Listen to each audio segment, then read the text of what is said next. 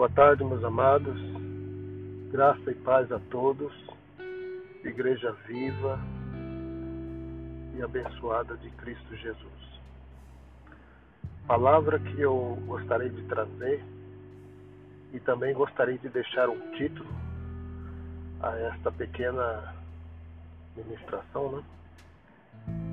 O título que eu, eu vou escolher é Deus o diabo. A leitura que nós vamos fazer está em Romanos, capítulo 9, verso 17. Porque diz a Escritura a Faraó: Para isto mesmo te levantei, para em ti mostrar o meu poder e para que o meu nome seja anunciado em toda a terra. Meus queridos amados, nós sempre temos ouvido muitos pregadores dizer que Faraó está sendo usado pelo diabo, está aprisionando o povo, não quer deixar o povo sair. Mas o texto, o texto não, o versículo que nós lemos agora fala que Faraó foi levantado por Deus. Deus levantou Faraó nesse propósito. Qual era o propósito? O propósito era para mostrar o poder de Deus e para que o nome do Senhor fosse anunciado. E qual era o instrumento que Deus usou? Faraó. Quando foi? Faraó já nasceu para esse propósito. É porque as pessoas não entendem que Deus ele tem o controle de todas as coisas. De que Deus Deus não opera dentro de um tempo determinado.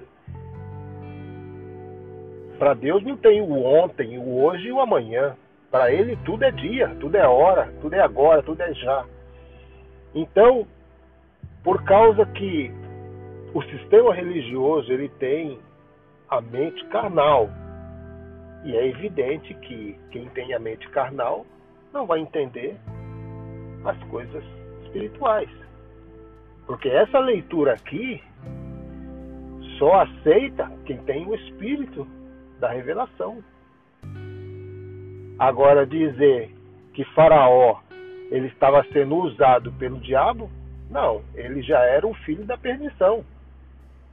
Deus ele instituiu o faraó rei foi para isso mesmo, para que o nome dele fosse conhecido através dos sinais, através da ida de Moisés lá né, no, no reino do Egito e fazer aquelas maravilhas.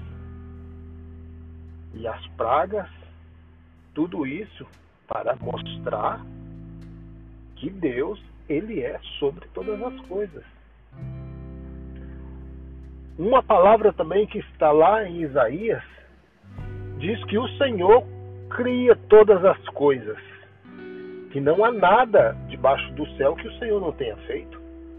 Ele faz a luz, ele faz as trevas. Ele faz o bem, ele faz o mal. Mas o sistema diz que o diabo fez as trevas. O sistema diz que o mal vem do diabo. Não, aqui está o texto diz, o texto diz claramente